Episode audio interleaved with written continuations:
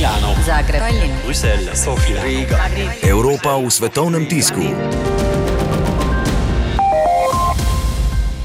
V španskem Alpaisu pišejo, da se je vodja nemških krščanskih demokratov Annegret Kramp-Karrenbauer, ki jo mnogi vidijo kot možno prihodnjo nemško kanclerko, odzvala na pred dnevi objavljeno evropsko pobudo francoskega predsednika Emmanuela Macrona in dodala, da s Parizom delijo željo po krepitvi Evrope, tudi želijo usklajevanje migracijske politike in boja proti podnebnim spremembam. Vendar pa kot znana konzervativna voditeljica v Nemčiji zavrača predvsem bolj socialni del njegove pobude.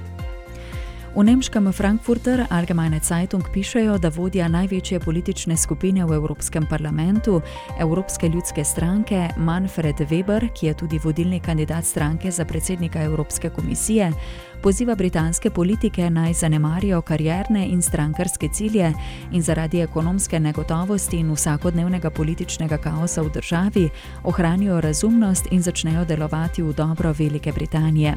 Dodal je, da je razprava o premiku datuma izstopa terjala že preveč časa, premijejko Mejevo pa je pozval naj zaključi s svojim političnim ping-pongom. V britanskem The Times pišejo, da je včeraj v Etiopiji v strmoglavljenju letala družbe Ethiopian Airlines umrlo vseh 157 ljudi na krovu. Med številnimi evropejci, ki so izgubili življenje, pa je bilo tudi sedem Britancev.